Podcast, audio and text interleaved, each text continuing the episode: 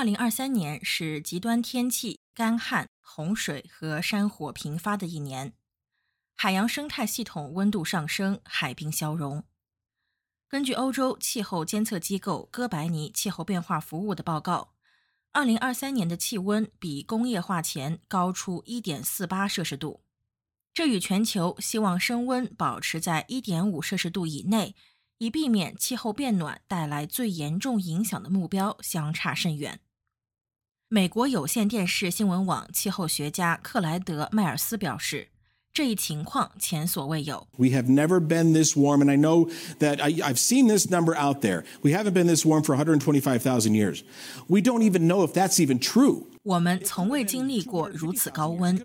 我知道，我曾看到过这个数字。我们已经有十二万五千年没有经历过如此高温了。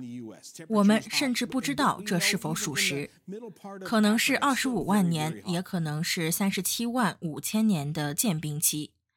现在全球几乎没有冰川，美国气温很高，非洲中部也很炎热。报告的主要作者哥白尼气候变化服务副主任萨曼萨·博吉斯博士表示，预计这些情况将持续到2024年。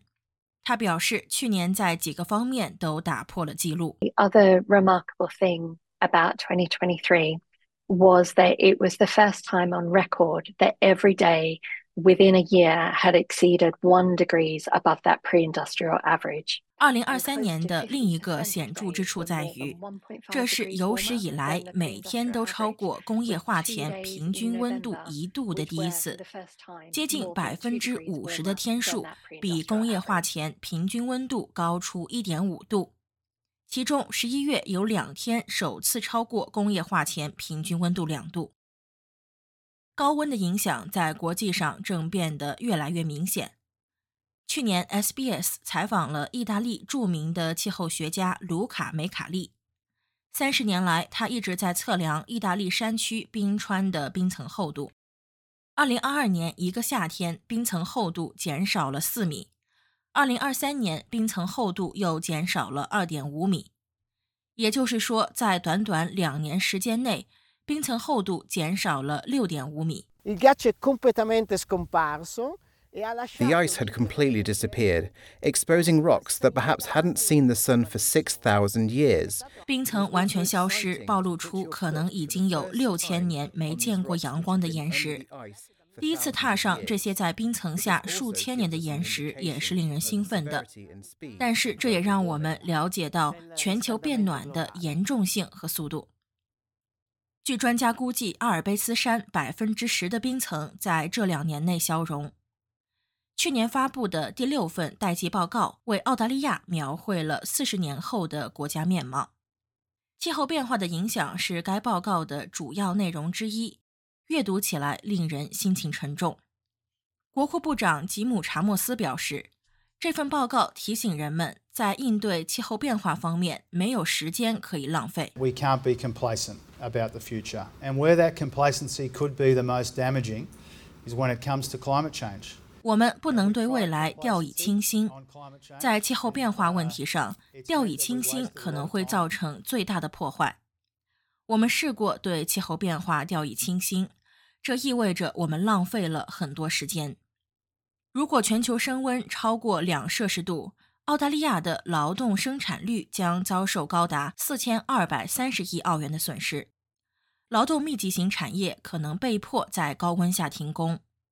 博吉斯博士表示，近年来我们所经历的极端天气事件将变得司空见惯。So we know there's a direct correlation between average global temperatures and the uh, number and frequency and intensity of extreme events. 我们知道，全球平均气温与极端事件的数量、频率和强度之间存在直接的关系。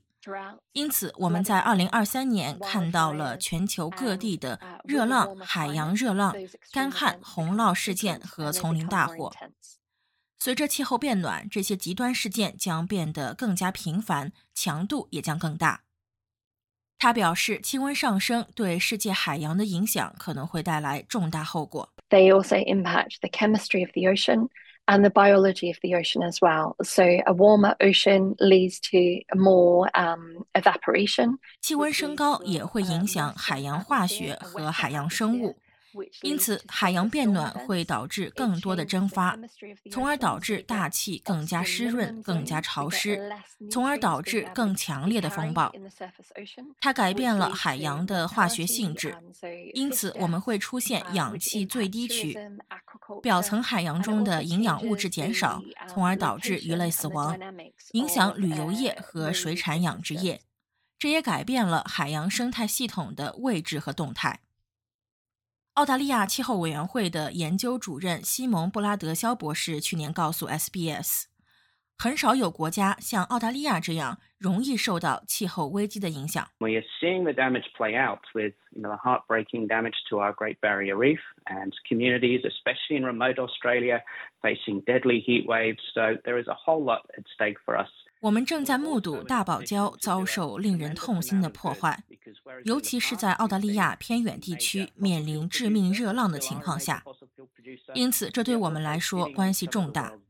但是，我们同时也有机会做很多好事，因为过去我们一直是主要的化石燃料生产国，现在仍然是主要的化石燃料生产国。